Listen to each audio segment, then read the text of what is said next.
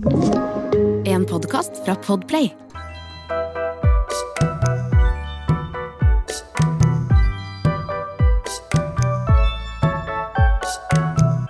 Hei og velkommen til Positivistapodden. Nå skal jeg eh, fortelle noe som jeg ikke har orka å snakke om tidligere. Jeg har eh, hatt et sterkt ønske om å bare være i babybobla og kose meg mest mulig. Så det at eh, ting ikke gikk som planlagt under mitt planlagte keisersnitt på Sykehuset Østfold Kalnes, det har jeg fortrengt. Men eh, nå har det gått såpass eh, lang tid, og jeg har vært veldig usikker på om jeg skal dele min historie. Men da jeg spurte jordmor om hva hun syns, så sa hun at det, det er kun ved at eh, noen deler sin historie og forteller om eh, ting som går galt, at vi får til endring. Og hun sa også at eh, her hos oss er det sprengt kapasitet, og vi sliter med å få kabalen til å gå opp, så ja, bruk stemmen din, og hennes oppfordring. Og VG ringte meg for litt siden og spurte egentlig bare helt åpent om hvordan gikk det egentlig med ditt andre keisersnitt. De hadde sett at jeg har uttalt meg om keisersnitt på eh, TV 2 sine nettsider og på NRK. Og da skulle jeg så inderlig ønske at jeg bare kunne si vet du hva, det gikk kjempebra. Men da sa jeg at nå vil jeg bare snakke uten å bli sitert. Jeg kan fortelle hva som har skjedd, og så må jeg ta en runde med meg selv om jeg har lyst til å dele det, og så kan vi ta en ny prat. Så da fortalte jeg den historien, og det er den historien som kommer fram i dag. Og det at VG nå setter søkelys på kvinnehelse, og i den artikkelen her handler om eh, hvordan kvinnehelse blir nedprioritert, og om hvordan det er eh, sprengt kapasitet da, på sykehusene. Og det var jo egentlig det jeg fikk eh, kjenne på kropp og hode når jeg ble trilla inn for å ta mitt andre planlagte keisersnitt. da. Det første var ikke planlagt, men mitt andre keisersnitt. Så for å spole tiden litt tilbake, for å forstå hvorfor jeg var i den situasjonen jeg var med fødsel nummer to, så var det sånn at jeg gikk overtid med Amelie, eh, syv dager på overtid. Og jeg hadde sett fram til fødsel. Jeg var en sånn som hadde gjort alt av forberedelser til den vaginale fødselen som jeg så for meg. Eh, pusteteknikker og langt brev til jordmor og du vet omtrent spilleliste. Og på dag eh, syv så våkna jeg på natta og kjente at her er det noe som ikke stemmer. Og jeg gråt og sa til Andreas jeg tror ikke at det bare er jeg som er huggeren og hormonell, jeg tror faktisk det er noe galt. Så hastet vi inn på eh, Ullevål sykehus. Da bodde vi på Grünerløkka, så vi tok en taxi opp dit, og jeg hadde helt rett. Det ble, ble slått full alarm på føden, og jeg ble de sprang av gårde med meg inn på operasjonsbordet og henter ut en baby som ikke puster. Og Ja, jeg spurte Kan dere bare fortelle meg om hun puster? Og de sa vi gjør alt vi kan.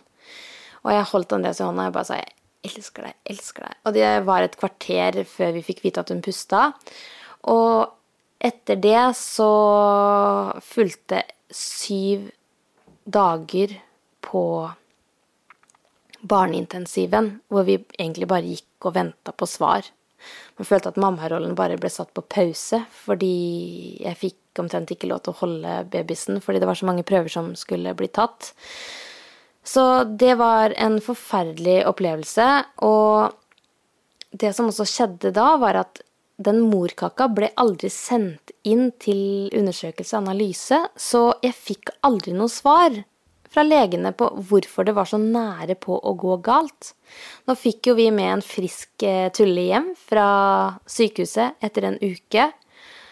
Og når jeg nå ble gravid med nummer to, så sto jo jubelen i taket her og gledestårer, og så tok det ikke kjempelang tid før jeg tenkte hva skjer med fødselen denne gangen? Og når det nærma seg, så kjente jeg det at vet du hva, siden jeg ikke har noen svar på hvorfor det holdt på å gå galt sist, så tenker jeg at uh, jeg har ikke lyst til å gå på overtid denne gangen her og risikere at noe lignende skjer igjen. Og det var en lang prosess både for meg selv, men også det å få innvilga keisersnitt da, på Sykehuset Østfold Kalnes, som var der eh, jeg skulle opereres siden vi nå flytta til Fredrikstad. Og når dagen eh, kom, så, og vi dro tidlig av gårde til sykehuset, så var jeg eh, innstilt i mitt hode på at det her skal bli en fin opplevelse. Altså det er et, en heftig operasjon, og det er ikke noe gøy, og det var i utgangspunktet ikke noe jeg ønska heller. Jeg skulle ønske at hun kom før, men bare det å bare være trygg på at det skulle gå bra denne gangen her. Så når jeg ble trilla inn på operasjonsbordet, så kommer det en lege litt sånn uh, i hui og hast bort til meg og sier uh, legen som egentlig skulle operere deg, er syk, så jeg stepper inn. Og når vi venter på at spinalbedøvelsen skal virke, så klyper de meg med en pinsett. Og så spør de kjenner du pinsetten, eller kjenner du kun berøring. Og da sier jeg ikke tvil, jeg kjenner pinsetten. Jeg kjenner at dere klyper meg med en pinsett. Og før jeg vet ordet av det, så skjærer da legen Begynner hun å kutte. Og jeg kjenner snittet. Jeg kjenner hvor kniven er. Jeg kjenner det åpne seg. Jeg kjenner altfor mye. Og jeg har tatt to keisersnitt, så jeg vet at dette var ikke noe jeg kjente forrige gang. Da var det kun berøring. Man kjenner det jo, det er jo ekkelt, men det skal ikke gjøre vondt. Snittet i seg selv var ikke vondt, men smertene begynte å komme. Og jeg sier at uh, jeg har vondt, og jeg kjenner på meg at uh, jeg får litt sånn panikk. Um, og når babyen har blitt henta ut, og jeg får henne først inntil kinnet, og så spør jordmor vil du ha henne på brystet, så var det jo det øyeblikket jeg hadde gleda meg så til, i kontrollerte former, å få babyen til brystet, men jeg hadde ikke sjans. Jeg sa nei, nei, nei. La Andreas ta babyen. Og det jeg gjør, er å holde hånda til anestesilegen og klyper den så hardt og si unnskyld for at jeg klyper deg så hardt, Janna, men jeg må bare ha noen å klype i hånda nå, fordi det gjør så vondt. Så øh, det var en en ja, hva kan man si, forferdelig opplevelse. Og på et tidspunkt så sier hva er det dere gjør, hvorfor gjør det så vondt? Sier de det er mange nerver, og så kjente jeg på en måte at de lappa ting, satt ting på, tilbake på plass. Um, og sånn skal det jo ikke være. Så min opplevelse av den situasjonen var rett og slett at her var det en lege som hadde dårlig tid, hadde ikke tid til å eh, la meg gi tommel opp for at eh, smertestillende virka som det skulle. Eh, det var ikke avklart før legen begynte å skjære. Så jeg opplevde det som at det var en som hadde dårlig tid, og også på slutten skjønte jeg at de hadde dårlig tid fordi jeg egentlig skulle bli sydd, men fikk agraffer, og det er en litt sånn bagatell, det, men, men, det var tydelig at det kan være hastverk, og, eller at det var De hadde dårlig tid.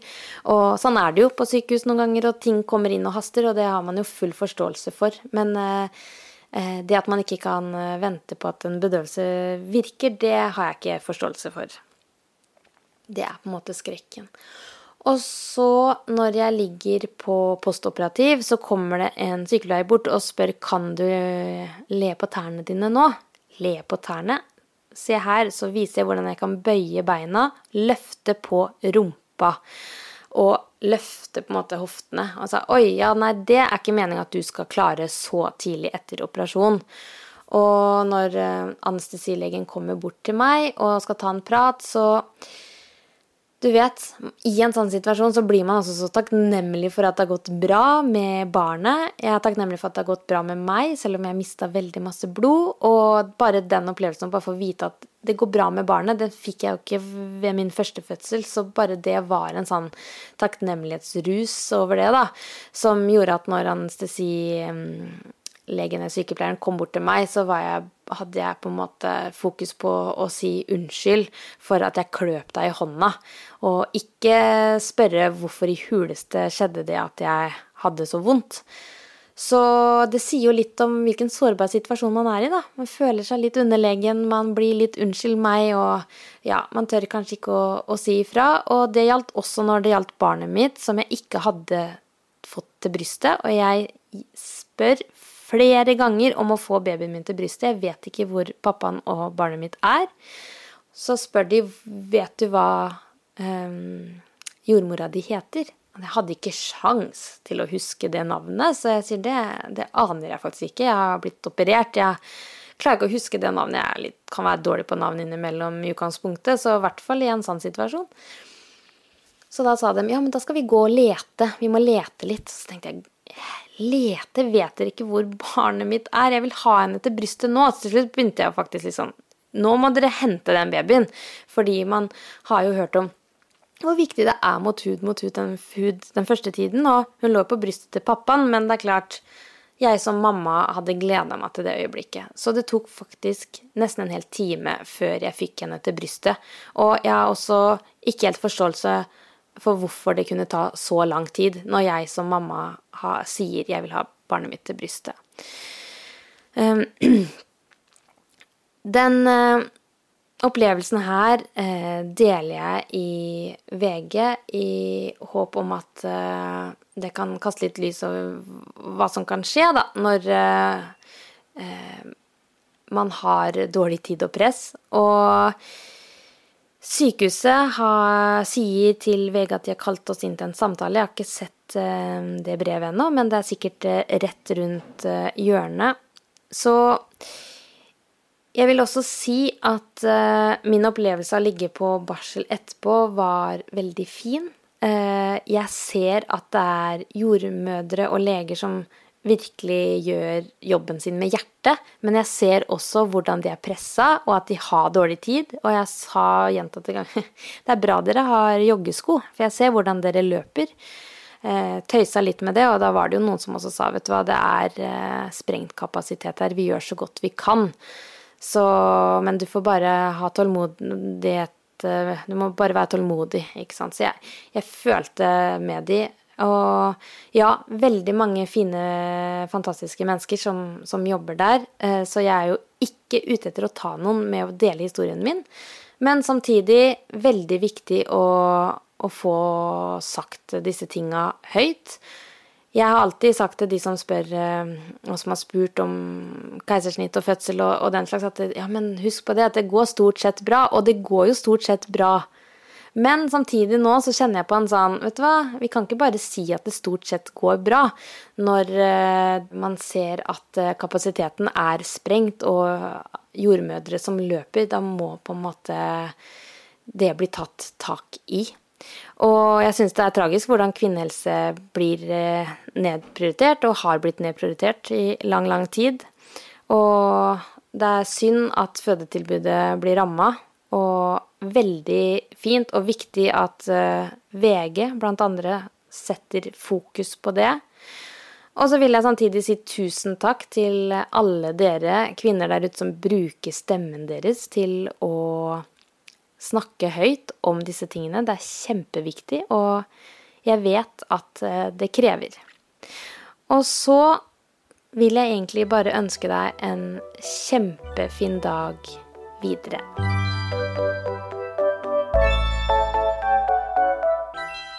Du har hørt en podkast fra Podplay. En enklere måte å høre podkast på. Last ned appen Podplay, eller se podplay.no.